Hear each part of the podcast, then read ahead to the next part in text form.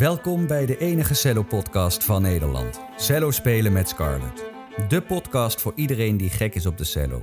In deze serie praat celliste en docent Scarlett Arts met muzici, docenten en de grote namen uit de cellowereld. Ze praat je bij over de nieuwste ontwikkelingen en de oude meesters. Van paardenhaar tot darmsnaar, van beginner tot biennale. Leg je cello even neer. Het is weer tijd voor uw wekelijkse portie cello-praat. Hier is uw gastvrouw, Scarlett Arts. Beste luisteraars, super dat je luistert naar Cello Spelen met Scarlett. Ik zit vandaag uh, te zoomen met Jeroen Reuling. Jeroen Reuling is een cellist uh, die ik nog ken van vroeger. En met vroeger bedoel ik de tijd 20, 25 jaar terug, dat ik aan het leren was. Ik ken Jeroen van meerdere dingen, namelijk bijvoorbeeld van het Cello Festival in Dordrecht. Uh, daar gaf hij les, masterclasses. Ik ken hem van de Artes Hogeschool. Daar zat hij in mijn uh, tentamencommissie, waar ik studeerde. Hij was daar een van de andere docenten. En ik ken hem van afstand als eerste cellist, oftewel aanvoerder van het Gelders Orkest. En mijn leraar Ram van Rom, die deelde daar de lessenaar met jou, hè Jeroen? Ja, klopt. Ja. Nou, leuk dat je er bent. Van harte welkom. Leuk om uh, je weer eens, te, weer eens te kunnen zien en te horen. Scar, dat is ja. echt lang geleden. Ja, dat ja. is zo, maar we zijn toch niks veranderd, hè? Nee, helemaal niks. Hartstikke goed. 25 hey. jaar ouder. Ja, inderdaad, zeg dat wel. Wat gaat de tijd snel? In mijn hoofd uh, ben ik nog uh, in die periode, maar dat ja, is niet ook. meer zo. Ja, jij in ons hoofd blijven we, blijven we 20, maar Dat het lichaam klopt. wordt ouder. Ja. Ja, dat is zo. Jeroen, toen ik jou vroeg, waar wil jij het vandaag over hebben? Want ik heb natuurlijk heel veel vragen voor je, maar jij hebt ook een, een, een verhaal. Toen vond ik het zo leuk. Zonder aarzelen zei je meteen als eerste lesgeven. Is lesgeven de rode draad door jouw cellistenleven? Vertel eens. Ja, dat is, het is wel een heel belangrijk uh, onderdeel van mijn leven geworden. Ik geef al les uh, sinds ik 24, ja, op ik ben begonnen met 24, toen was ik assistent van André Navarra. En uh, toen ik een baan kreeg in het Gelders Orkest, toen kreeg ik twee jaar later een baan in Zwolle. Dus eigenlijk sinds die tijd, ik geef al bijna 40 jaar, ik denk 40 jaar les ondertussen. Dus je kan wel zeggen dat er een rode draad in mijn leven is, maar er zijn wel meerdere rode draden in mijn leven. 20 Vertel. jaar orkest, uh, Ja. 20 jaar een festival op Schiermonnikoog. Ja, concerten, toch wel van alles eigenlijk. Ik, ik wist niet dat je dat al zo lang deed op Schiermonnikoog. Daar ben je artistieke leider van Ja. het Internationaal Kamermuziekfestival. Alweer 20 jaar. Ja, het is alweer twintig jaar. Ik was daar met een oude schoolvriend aan het wandelen. En toen zei hij, god, als we daar nou eens concerten zouden organiseren. En hij zegt, nou, zorg jij voor de muzici en dan zorg ik voor het geld. En twee jaar later stond het festival er. En we waren ook meteen uitverkocht. En het was meteen een enorm succes. Wat we helemaal niet hadden verwacht, eigenlijk. Ja, en dat is uitge... Ja, dat is eigenlijk steeds... We zijn eerst begonnen met drie dagen, toen vier... En nu zijn het dus, is het een hele week. En we hebben heel veel concerten, s ochtends, middags, avonds, meerdere concerten. Uh, we doen strandwandelingen, sterrenwandelingen, uh, uh, documentaires, filmdocumentaires. Het is echt een succes. We zijn elk jaar al twintig jaar lang uitverkocht. Wat best wel bijzonder is natuurlijk. En sinds mm, 2011 geloof ik, of iets later, zijn we begonnen ook met masterclasses voor jong talent in maart. En dat is eigenlijk ook uitgegroeid tot een tweede festival, waarin we jong talent uitnodigen om te komen spelen, waarin we masterclasses uh, organiseren. En ja, ook dat is een succes. Is eigenlijk een beetje een soort van gouden formule gebleken. Ja, ja, want voor de bezoekers is er natuurlijk een combinatie van ontspanning en cultuur op een, uh, ja, toch niet door de ja, speciale plek op zo'n eiland. Ja, dat is natuurlijk heel bijzonder. Het is natuurlijk een ja, veel Nederlanders kennen uh, Schiermonnikoog. Het is natuurlijk een heel bijzonder, ontzettend mooi eiland. En perfect voor zoiets. Want de mensen zijn minimaal drie dagen tot zes dagen bij elkaar. Ze ontmoeten de muzici, ze ontmoeten elkaar. Uh, het is een hele intieme belevenis. Oh, dus de mensen die nemen bijvoorbeeld een, een paspartout. En die blijven ja, daar alle dagen. Kijk, er zijn wel eens dagjesmensen, maar dat zijn mensen die in Groningen wonen of zo. Maar de, het publiek komt echt uit, uit heel Nederland. En je gaat niet voor één dag naar Schiermonnikoog, daarvoor is het gewoon te ver. Dus mensen komen vaak al vrijdag en dan gaan ze bijvoorbeeld maandagochtend weer weg. Of ze blijven de hele week. Zijn, we hebben heel veel trouwe, heel trouw publiek eigenlijk. Ja, ja wauw, dat klinkt prachtig. hey, maar dan is meteen mijn volgende vraag. Hoe is het, in, hoe is het met het festival vergaan uh, in de afgelopen jaren van corona? Ja, we hebben natuurlijk dezelfde problemen gehad die ook andere mensen hebben gehad. We hebben uh, twee festivals in oktober en in maart online gedaan, zonder publiek. En dat is best wel redelijk succesvol geweest. Vorig jaar hebben we wel de concerten door laten gaan, maar de masterclasses niet. Behalve dat ik heb een live masterclass gegeven. En we hebben wel een soort van online gesprekken gehad met leraren. We hebben mensen konden filmpjes zien over het, over het eiland. We hebben heel veel gedaan om het toch voor het publiek wat we hebben interessant te houden en dat ze toch in contact met ons blijven. En ja. we hebben nu een komend festival in maart. En ja, daar zitten, lopen we ook aan tegen van wat kan, wat kan niet. Ik bedoel, we kunnen in principe de masterclass wel houden, maar we zitten ook met dat we zeer waarschijnlijk wel besmettingen zullen hebben. En uh, ja, hoe gaan we daarmee om? Dus dat is best nog een hele logistieke vraag waar we nu middenin zitten. Ja. ja. Het, het heeft twee voordelen, althans zo heb ik het eh, een beetje ervaren de afgelopen twee jaar. Je wordt uit je comfortzone gehaald. Je gaat andere dingen doen, hè? net als wat jij zegt. Je moet iets uh, je moet aanpassen om het aantrekkelijk te houden. Zo verandert ook het aanbod voor je klant. Verandert ook zo totaal. Dat is ook, ook een voordeel, denk ik. Dat het aanbod verandert. Nou ja, ik denk dat de mensen het heel erg fijn vonden dat we het online gedaan hebben. Maar dat ze allemaal ook gezegd hebben, we zijn toch liever live. Ben ik helemaal met je eens. Maar stel nou voor hè, dat je inderdaad dadelijk weer live mag gaan. Wie weet dat er dan toch wel een ruimte blijft waar jullie die filmpjes blijven draaien. Die Ja, oh, dat zeker. Ja, ja, ja, er zijn heel veel dingen die, die er zijn geweest die ook wel bepaalde creativiteit met zich mee hebben genomen. Waardoor we, uh, die we zeker zullen blijven gebruiken. Dat denk ik ook. Ja. ja. Hey, jij noemde net jouw aanstelling als assistent van Navarra. En ik denk dat heel veel amateurcellisten die naar deze podcast luisteren, die zullen zich, uh, is het de Berenreiter? Uh, nee, de Henle-verlaak herinneren van bijvoorbeeld de Beethoven-sonates. Hij, is daarvan, hij is daarvan de, uh, ja, noem je dat, de aanpasser, de bewerker. van de eerste versie van, je hebt nu een nieuwe Henle, ook nog afhankelijk van uh, afhankelijk of je op de iPad kan je nu verschillende, kan je Geringas vingerzettingen vinden van Navarra, je kunt je eigen vingerzettingen. Maar als je dus in de winkel gaat, dan is het nu Geringas en uh, geloof ook nog een andere en een, en een schone. Maar in die tijd was iedereen speelde van de Henley uh, editie van Navarra. Die was gewoon ook heel goed. Ja. Maar ja, ze passen die edities heel veel aan ook steeds weer. En er zijn weer nieuwe inzichten. En ja, blijft interessant. Ja. ja. De, wil jij eens iets meer vertellen over wie hij was en wat hij was en wat jij um, van hem hebt geleerd? Want ik denk dat verder niet iedereen een beeld heeft bij André Navarra. Nou, André Navarra, toen ik begon te studeren, was het een wereldberoemde cellist, maar ook wereldberoemd pedagoog. En ik denk dat hij heeft echt duizenden mensen opgeleid hij had, gaf les in Parijs, hij gaf les in Wenen, hij gaf les in Detmold in Duitsland, daar heb ik gestudeerd. Um, ja, zijn leerlingen wonnen concoursen. Um, ja, hij was een ongelooflijk goede pedagoog, heel veel eisend. Hij heeft, legde vooral de nadruk op de streektechniek, waar, wat wel echt zijn uh, stokpaardje was. Hij had een prachtige streektechniek.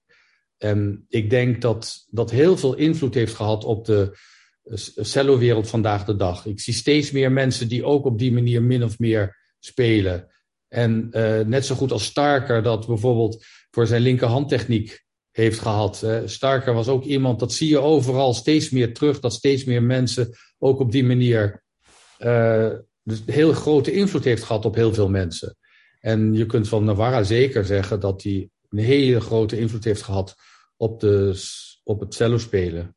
Kun je daar eens iets over vertellen? Wat moet de luisteraar zich daarbij voorstellen, streektechniek? Wat maakte hem dan, wat deed hij dan anders?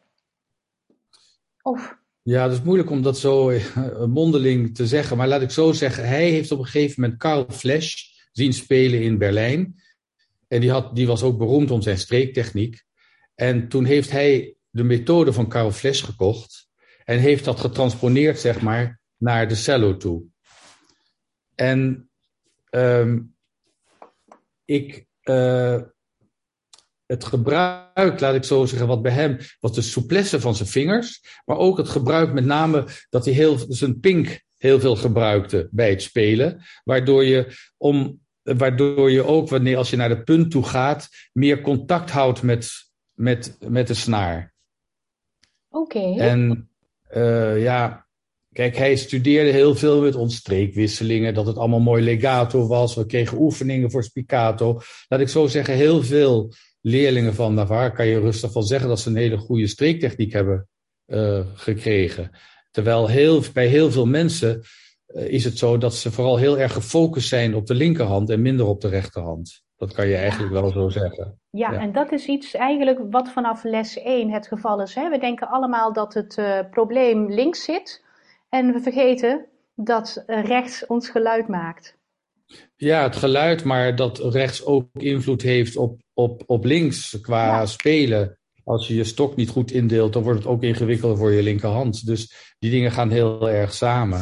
Ja, ja. dat is zo. Ja, is jou ook nog iets speciaals bijgebleven omtrent de streekwissel van Navarra? Ja, dat is moeilijk om dat precies uit te leggen. Maar wat hij deed is dat wanneer je met name bijvoorbeeld aan de slof kwam, dan was er altijd een kleine ruimte. Waar, en dan uh, was zijn pink altijd een beetje flexibel. Zeg maar in de afstreek. Dus het was, de beweging komt eigenlijk uiteindelijk helemaal van de arm.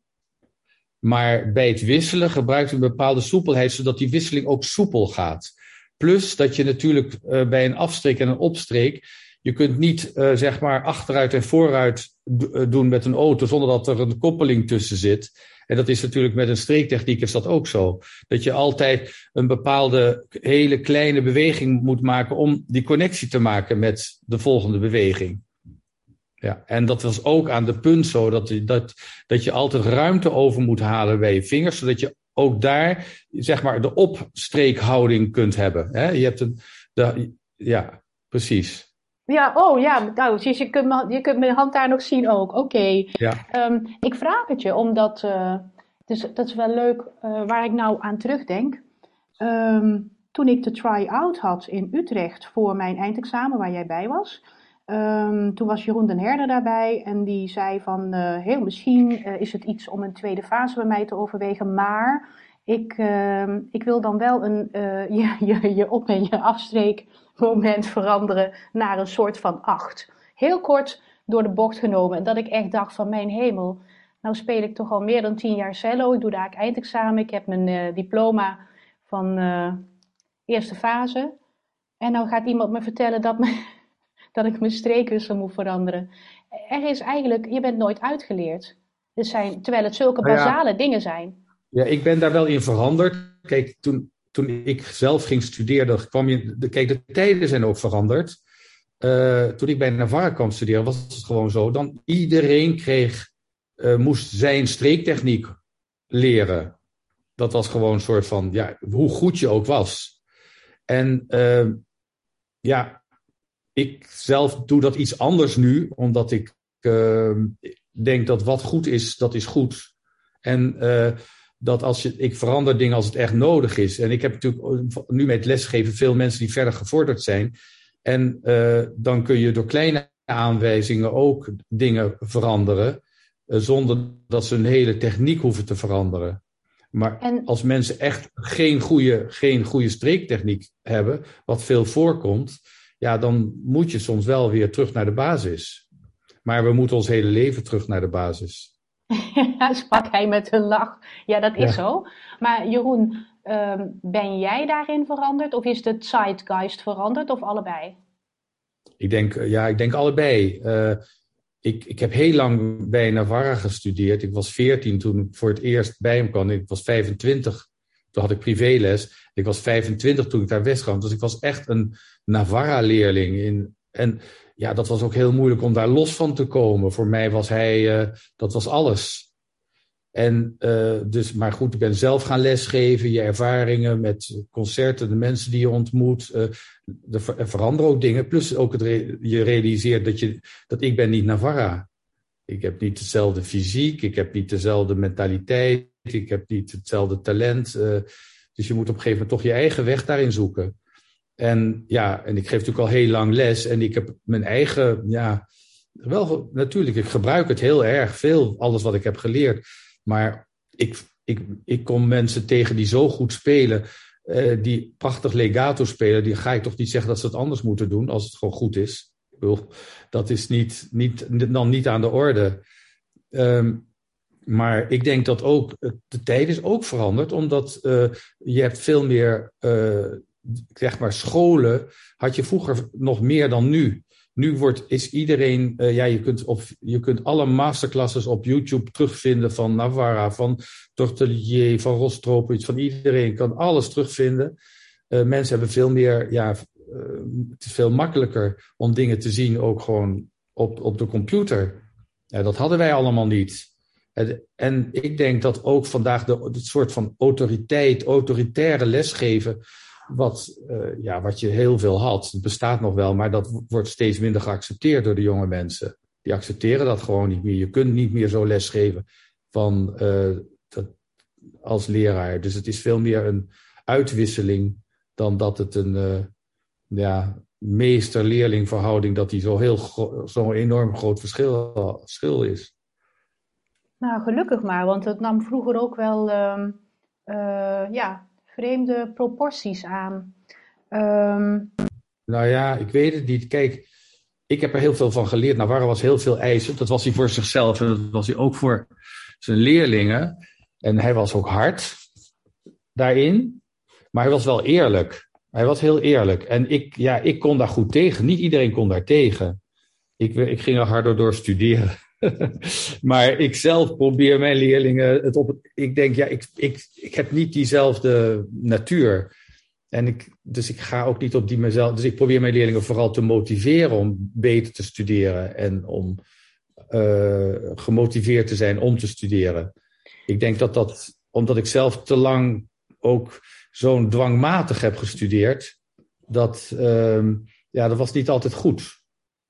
En met dwangmatig? Beter doelmatig dan dwangmatig studeren. Noem eens, noem eens een dwangmatig eh, element. Nou ja, gewoon acht uur per dag studeren, omdat je met de wekker erbij, uh, ja, dat is niet heel doelmatig. Ik weet dat ik dan, dat ik echt heel veel studeerde en dan kwam ik naar de les en dan zei Navarre, je hebt niet gestudeerd. Toen was ik heel boos op hem. Maar hij had wel gelijk, want ik, ja, ik, ik studeer gewoon niet goed. En ja, ik, kijk, als je heel groot, heel veel repertoire moet studeren, kan het best een periode in je leven dat je heel erg veel studeert. Maar het gaat vooral om regelmaat. De regelmaat van het studeren is denk ik belangrijker dan de hoeveelheid. Ja, um, kan ik me voorstellen. En dat je, wat je inderdaad doet, dat je het niet op de automaat doet. Je toont alles en zo. Ik kijk dan naar mijn leerlingen hè, en naar, me, naar mezelf. Maar dat je altijd de gedachte erachter vers in je hoofd hebt zitten. Ja, um, zeker. Jeroen, was uh, Navarra jouw laatste docent die echt, uh, waarbij je weer structureel, uh, ja, je was dan as, hij, je was zijn assistent, maar hij was ook tevens jouw docent. Ben je daarna, zeg maar, um, de wijde wereld ingetrokken als cellist? Nou, ik heb, ik heb nog twee jaar privéles gehad van Pierre Fournier in Genève. Oh. En dat was voor mij heel goed, omdat uh, Pierre Fournier was een heel ander, niet zo'n pedagoog als Navarra. Maar die zei tegen me, oh, wat heb je prachtig gespeeld. En ik, het was heel goed voor mijn ego. Als Navarra zei, pas mal mon petit, hè, niet, slecht, uh, niet slecht, dan was ik al heel blij. En hij zei dan tegen me, oh, prachtig, heel mooi. Maar misschien zou je, je moest bij hem meer tussen de regels. Uh, maar dat was natuurlijk een fantastische cellist en een fantastische muzikant. En was voor mij precies het goede moment om naar zo iemand te gaan. En dat was leuk, omdat in die tijd wisselde je niet zo van leraar. Zoals vandaag de dag, ja, gaan mensen studeren drie jaar bij iemand en dan gaan ze weer naar iemand anders en dan gaan ze weer naar nog iemand anders. En dat was vroeger niet zo. Dus nee. na Navarra, ja, waar moest je dan naartoe? Dat was heel lastig. En maar ja. Navarra heeft zelf tegen mij gezegd: ga, ga naar Pierre Fournier toe. En die heeft een brief voor mij geschreven. Dat was ontzettend leuk dat hij dat had gedaan. En dat heeft me ook goed gedaan. Ja. Ja. ja.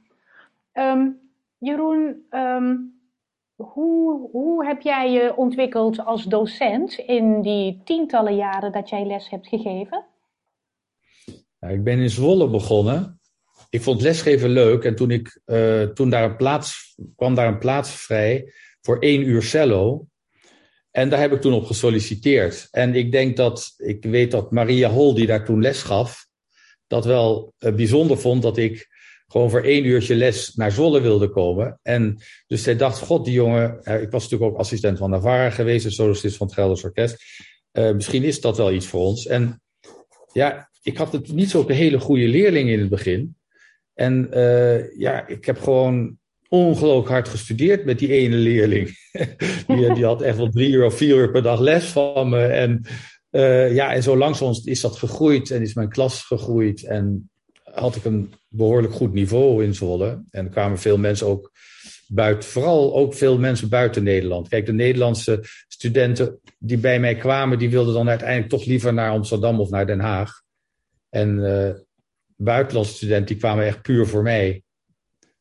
En uh, ja, dat heeft zich zo ontwikkeld. Uh, dat heb ik, ja, ik heb toch twintig jaar lesgegeven in uh, Zwolle. Ja, 22 geloof ik. Ja. En um, die, maar in die, in die 22 jaren, daar heb jij, ben je vast jezelf ook andere dingen gaan horen zeggen. Hoe, hoe, hoe ging dat in zijn werk? Ja, dat is een, dat is een, ik denk dat ik in het begin een oplossingsleraar was.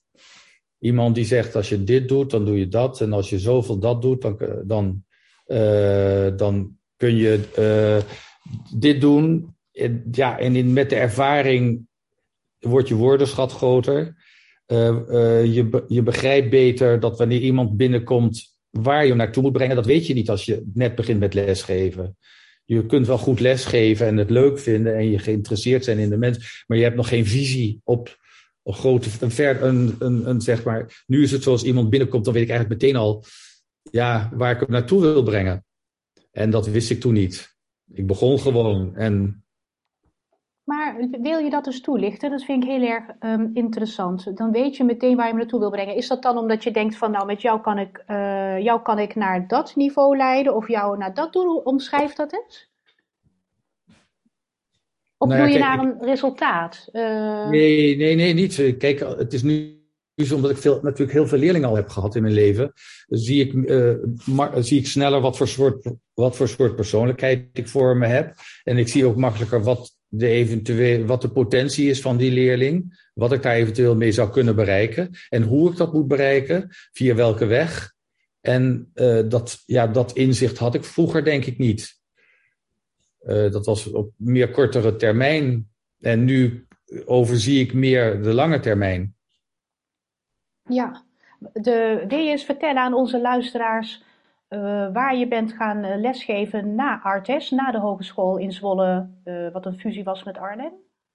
Ja, toen, toen ben ik gevraagd om, toen was er een plaats vrij in Brussel en ik heb altijd Belgische leerlingen gehad.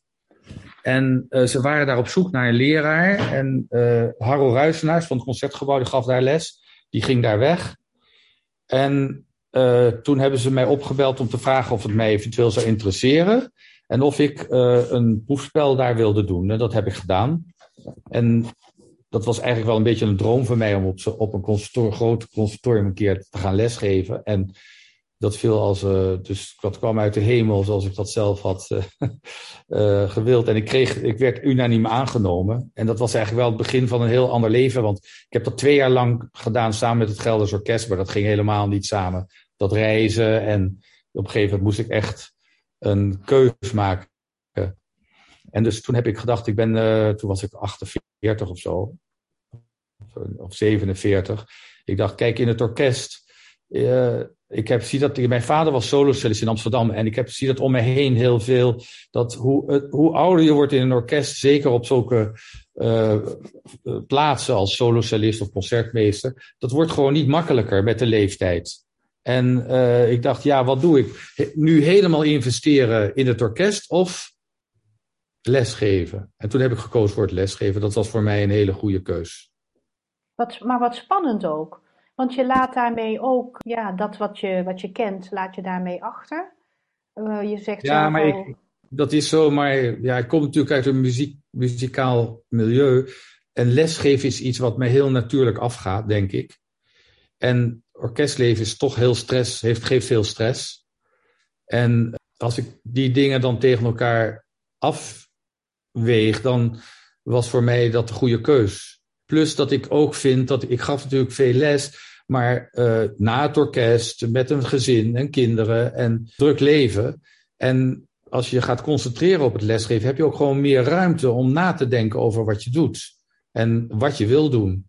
En uh, ja, ik heb me ook wel weer enorm kunnen ontwikkelen. Doordat ik gewoon vooral ben ook heel erg ben geconcentreren op uh, het lesgeven. En ja, en ik had natuurlijk ook het festival en andere dingen erbij, waardoor ik, ja, dat ging niet allemaal samen met, met ook nog het, uh, het Gelders Orkest. Maar ik heb nee. daar met heel veel plezier gespeeld. En ik vond het fantastisch. Ik heb er ook enorm veel van geleerd. Ja. Ja, ja, want die ontwikkeling die het jou bracht, vertel daar eens over. Ja, ik heb me kunnen ontwikkelen, denk ik, als leraar. Ik, heb, eh, ik kreeg beter, eh, meer betere leerlingen kwamen binnen. Dus ook hebt, de resultaten zijn beter. Uh, ja, ik heb daar echt iets kunnen creëren. Dat heb ik, kon ik in Zwolle ook. Ik vond in Zwolle, kijk, ik vond in Zwolle net zo leuk als in Brussel. Ik wil lesgeven is lesgeven. Alleen het is wel zo dat je in een grote stad gewoon wat, wat, meer, wat beter, te, makkelijker talent kunt krijgen dan in ja. Zwolle. In Zwolle was het nog moeilijker. Zeker. Ja. Dit is misschien een domme vraag. Hè? Nou, domme vragen bestaan niet, uh, zeg ik altijd tegen mijn leerlingen. Maar was je, ben je nooit bang van dat er iemand binnenkomt, een uh, nieuwe leerling, en die is zo goed dat je denkt van, mijn god, wat moet ik hier nog van zeggen? Nee. Licht toe. Heel arrogant misschien, maar ja, ik heb die leerlingen gehad en heb ze ook nu nog, die heel erg goed spelen. En, uh, maar ja, ik ben heel erg, wat zal ik zeggen, ik sta gewoon open. Dus ik, als ik denk dat een leerling uh, naar een ander toe moet, dan zeg ik hem dat. Ik, dat mijn verhaal verteld is. Of als ik denk dat, dat hij een masterclass moet volgen bij iemand of contact met een ander iemand moet hebben, omdat die iets kan uh, geven wat ik niet, waar ik minder goed in ben. Bijvoorbeeld in Brussel hebben wij een leraar, barokcello, die heeft ontzettend grote kennis. En echt, daar, en ik, uh, het is niet dat ik helemaal geen kennis heb, maar dat, hij heeft kennis die ik niet heb. Dus ik studeer, stuur al mijn leerlingen ook naar hem toe. Met Bach-suites, met een Boccherini-sonate. Met, en dat is alleen maar een toevoeging voor. Dus ik denk dat je als leraar gewoon ook open moet, moet zijn. Ik probeer mijn leerlingen niet vast te houden. Al heel lang niet meer. Vroeger was ik altijd bang dat ik dan niet genoeg leerlingen had. Maar dat is helemaal niet meer aan de orde. Dus ik, ik heb altijd genoeg leerlingen. En ik vind soms na drie jaar vind ik het ook mooi als ze ergens anders naartoe gaan. Ja. Ik heb mijn verhaal verteld. Ja, dat, dat, klinkt, dat klinkt heel natuurlijk. Jeroen, kun je, wat, wat denk jij, wat is het verschil tussen het, uh, het kunnen leven als cellist nu, als je bent afgestudeerd, en uh, pak een beetje 20 jaar geleden, want jij, jij hebt dat meegemaakt. Jij hoort wellicht nog van oud-leerlingen. Of uh, tegenwoordig kun je ze misschien wel in de gaten houden via social media. Dat hadden we vroeger niet, hè? Is het ja. makkelijker geworden? Is het moeilijker geworden? Wat denk jij? Ik denk dat het waarschijnlijk is het moeilijker geworden. Want er zijn het, het, het, laat ik, het gemiddelde niveau is ongelooflijk omhoog gegaan. Uh, laat ik zeggen, overal zie ik dat uh, mensen beter spelen. En het is, vroeger waren het er 100 en nu zijn het er 500 of 800 die net zo goed spelen. Dus, en er zijn niet meer plaats, plekken vrij plekken gekomen. En wat wel zo is, dat vroeger was het zo, ja, uh, uh, oh ja, al die mensen zitten op die conservatorium, die krijgen niet eens een baan in een orkest. Maar nu is dat toch heel anders, want mensen, ik heb ook leerlingen die theaterwereld in zijn gegaan, die hebben een privépraktijk zoals jij. Er zijn mensen die eigenlijk, als ik al geef al 40 jaar les, ik geloof dat van al mijn leerlingen wel op de een of andere manier met de cello bezig zijn. Sommigen zitten in, uh, zitten in orkesten, anderen geven les. Ja, dus het, het is heel moeilijk, maar ik denk wel ook dat vaak is het zo dat hoe beter de mensen zijn, hoe hoger hun ambities zijn, hoe moeilijker het wordt. Omdat als je ook tevreden kunt zijn met minder, kun je daar heel gelukkig mee zijn. Maar als je heel erg goed bent en altijd denkt van ja, ik zou eigenlijk ook solo-cellist willen zijn. Of ik zou ook uh, solo willen spelen. Maar ja, daar is geen plek voor voor al die mensen. Hè, nee. ik bedoel, als we, in een orkest heb je, ik doe maar tien, tien cello's en twee solo-cellisten. Dus je hebt meer kans om een toetiebaan te krijgen dan een solobaan. En plus dat er vandaag de dag ook nog eens op een solobaan honderd mensen komen. Vroeger waren dat er twintig.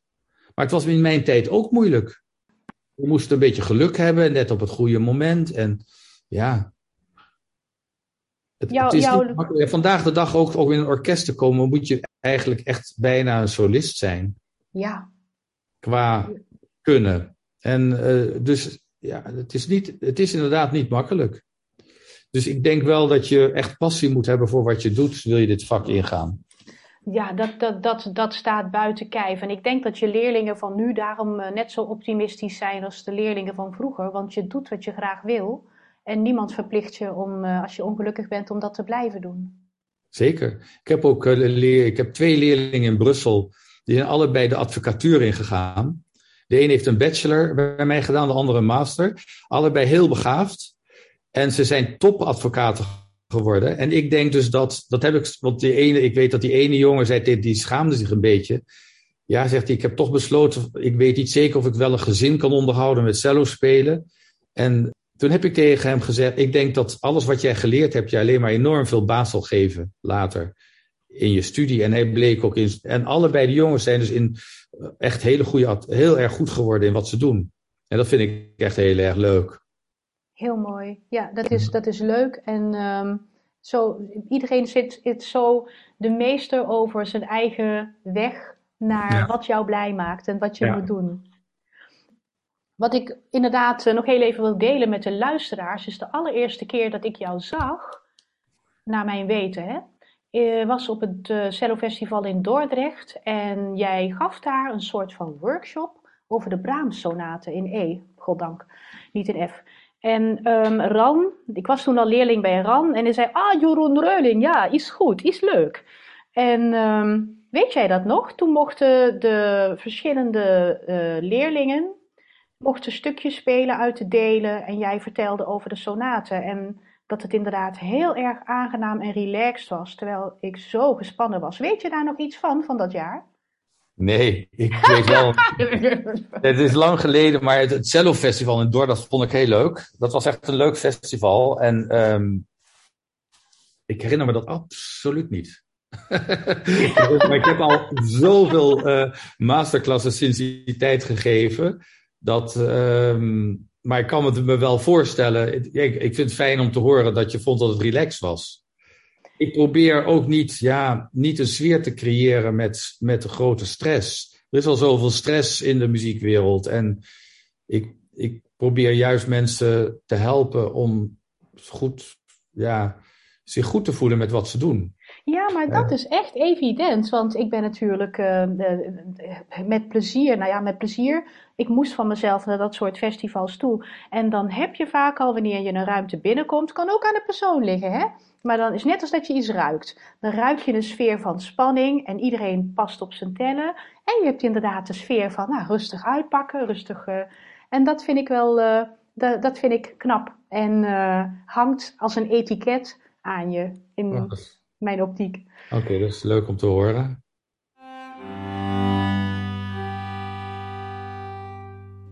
Hey Jeroen, mijn luisteraars zijn altijd benieuwd naar een paar dingen. Wie is je favoriete componist? Ah, dat verandert bij mij heel erg. Ik uh, bedoel, uh, ik hou gewoon van het grote cello-repertoire. Uh, Dvorak, Schumann, dat vind ik prachtig. Beethoven, sonates, Brahms, sonates, Bach. ik heb periodes in mijn leven gehad dat Strauss en Mahler alles was voor me. En ehm, nu luister ik veel Bach en veel kamermuziek ik, ik ben ook heel erg geïnteresseerd naar minder bekende componisten. Wat ik ook veel programmeer op het eiland. Dus uh, goede, echt goede componisten die hele mooie muziek hebben geschreven, maar uh, die weinig worden gespeeld. Uh, ja, dat, ik vind dat ook leuk om daar, onderzoek naar te doen. En dus om nou te zeggen van wat is je lievelingscomponist vind ik moeilijk. Akkoord. En um, welke bladmuziek gaat er mee naar een onbewoond eiland?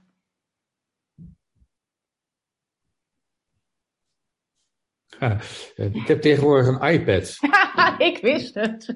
Ik dacht dus, het al. Het ik heb gewoon alles bij de hand. Dat is echt niet te geloven. Ja, maar je, je, je snapte... Je sna uh, op een onbewoond eiland is er geen elektriciteit. Dus dan... Uh, Moet je toch ik denk dan, dat ik dan toch de Bach-suites mee zou nemen. Ja?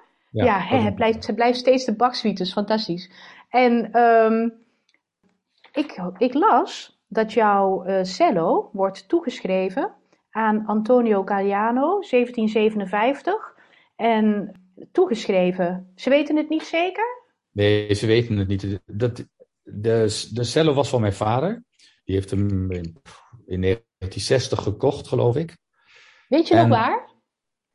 Volgens mij was dat een Hilversum. Mijn vader was, uh, zat toen in het uh, uh, Radiokamerorkest. En volgens mij heeft hij het toen daar gekocht. Bij iemand privé. Dat was toen veel geld, maar nu, dat was geloof ik 2000 gulden. Dat was voor hem heel veel geld. dat is ook zo. maar het is, een, het is, een, het is wel een Italiaanse cello. Ze, ze, ik, heb ook, ik heb wel een beetje onderzoek naar gedaan, maar niet genoeg. Ik denk wel dat ik er misschien achter kan komen wat het is. Het is een ontzettend goede, goed klinkende cello. En hij is ook heel mooi. Maar uh, ja, en ik, ik, ik ben heel blij met deze cello. Want ik heb voor die tijd had ik een hele beroemde cello. Giovanni Battista Ceruti. Daar heb ik twintig jaar op gespeeld. Dat was al een hele mooie cello. Maar die, eigenlijk paste die niet goed bij mij. Waarom niet? Ja, ik, ik, ik vond het altijd moeilijk dat instrument. ik kreeg nooit wat ik wilde. En ik dacht altijd, ja, ik ben gewoon niet goed genoeg. Maar toen zei mijn vader, ga eens op mijn cello, ga eens op mijn cello spelen. En toen merkte ik gewoon dat sommige dingen gewoon zo vanzelfsprekend waren. En, uh, ja. en ik ben ook, nu speel ik, tegenwoordig speel ik ook op darmsnaren. Tenminste, uh, G, C, G en D speel ik uh, omhulde, omwonde, olive. En A-snaar is wel van staal. En dat verandert heel erg ook de klank van het instrument. Jeetje, uh, wat een overgang zeg. Dat, ja. is veel, dat is veel stemmen. Veel stemmen, je raakt eraan gewend. Het was ook echt een. Ik, ik, wilde het eigenlijk al heel lang, maar met het orkest, dat is toch ingewikkeld. En ehm, ik vond het altijd heel mooi, maar ja, dus ik ben, ik ben eerst op Passione Darm gegaan. En de volgende stap was eigenlijk Olive. Dat zijn wat nog soepelere snaren. Die zijn wat solistischer ook. En ja, het kost echt tijd om daaraan te wennen. Dat heeft me zeker een jaar gekost. En ook met stem in het begin dacht ik, waar ben ik aan begonnen? Maar je leert ermee omgaan. Ja. Ja. ja. Um, ja, want dat, dat, was inderdaad mijn volgende vraag. Wat voor scenario heb je erop zitten? Nou, dat heb je, dat heb je nu aangegeven. Um, hey, nog even in het kort. Um, ik zei tegen jou, Jeroen, het is praktisch als uh, mocht, je, mocht het kunnen, ga in een niet te grote ruimte zitten, want galm is niet zo goed. En vervolgens zei je, oh, dat komt goed uit, want ik woon in Parijs. Ja, klopt. mag, ik, mag, ik je, mag ik je vragen uh, hoe je leven daar eruit ziet? Uh, nou want, ja, je zult, je zult toch ook een aantal dagen daar zijn. Hoe is het om te leven in Parijs? Dat je je baguette gaat halen en je koffie. Hoe, hoe is dat? Ja, nou ja, ik heb natuurlijk al. Uh, ik, ik, had een tante die woonde in Parijs. Dus ik heb altijd een band met Frankrijk gehad. Op de een of andere manier. Ik wilde er eigenlijk ook gaan studeren. Uh, maar dat is niet gelukt. Toen ben ik dus naar Duitsland gegaan. En uh, ja, mijn partner is uh, stokkenmaakster. Die woont in Parijs. En ik ben hier, ja, wat zal ik zeggen? Ik, ga, ik, ben twee, ik ben twee à drie dagen in de week ben ik in Brussel. En de rest van de tijd ben ik hier of in Amsterdam. En uh, ja, ik geniet van Parijs. Van uh, ja, je hebt overal restaurants en je hebt overal cafés. En het is een, maar het is een grote stad. Ja, ik vond het in Arnhem uh, vond ik het ook fijn om te leven. Want daar was je dichter bij de natuur. En ik denk dat als je kinderen hebt, dan kan je beter daar wonen dan in Parijs. Daar is veel minder groen. Maar het is natuurlijk een prachtige stad. En ja, ik, ik, woon hier wel graag. Ja. Wat fantastisch. Ook de combinatie met Brussel en met Amsterdam. Het is fantastisch. Ja, want vandaag de dag met de tallies is, gaat het allemaal zo makkelijk. Dus, ja, daar eh, maak je ja, veel kan- gebruik van. Je doet het allemaal met, eh, met de hoge snelheidstrein. Ja, vroeger deed ik alles met de, met de auto, maar ik, sinds een jaar of vijf doe ik alles met de trein. Ja. En wat En voor dat- koffer zit er dan om je cello? Oh, ik heb een, eh, hoe heet die ook alweer? Ik heb een nieuwe koffer, die ik erg mooi vind. ik ben even de naam kwijt, wacht even. Eh Alpha. Alpha, Alpha die ken ik nog niet. Ja, dat is een nieuwe, dat is een nieuwe cello koffer. Die, eh, dat, ik vind hem, hij is heel mooi, heel goed. En eh, ik heb hem eigenlijk cadeau gekregen van de mensen die hem gemaakt hebben. Als een soort van sponsoring. Of tenminste, Wauw. ja, en dat, dat ik een beetje reclame maak voor hun, eh voor hun cellokist. Ik snap het. Wat, wat weegt hij? Ik geloof dat hij 2 kilo is, of 1 kilo 8, licht. Ja. En eh, als je dan toch reclame mag maken voor deze koffer, waar ik heel graag een fotootje van op ga zoeken op internet. Ik hoop dat die er al zijn. Ja, die is, zijn. ehm, ja? Eh, wat kost een dergelijke koffer? Ik, ik, weet het niet precies, ik weet het niet precies. Ergens, ik dacht 15 tot, 15 tot 1700 euro, 1800 euro. Akkoord. Ze zijn, Ehm, iets, eh, ze zijn iets goedkoper dan de akkoord. Het lijkt heel erg op de akkoord cello's, die ken je wel. Jazeker. Want degene die deze cello heeft, eh, eh, die, dat, die was vroeger ingenieur bij akkoord. En die, die is daar weggegaan en heeft haar eigen kist ontwikkeld. En hij lijkt heel erg op. Ik denk dat hij met veel verbeteringen, vind ik zelf. En eh, je zei het was een alpha koffer. Ja, het heet Alpha Case, heet het. Alpha case. Oké. Leuk. Leuk luisteraars. Daar ga ik eens heel eventjes eh, achteraan, want dat eh, is altijd interessant. Ehm, Jeroen, is er, is er tot slot nog iets eh, wat je zou willen delen? Heb je misschien nog een hele goede tip voor iedere amateur die graag beter Nou. wil worden? Eh, ehm, nou, de tip, ik, had jou aan de telefoon al verteld, we hebben het daar nu helemaal niet over gehad, dat hoeft ook niet. Maar ik geef, ik geef les aan de Koninklijke eh, de Koningin Elisabeth Muziekkapel.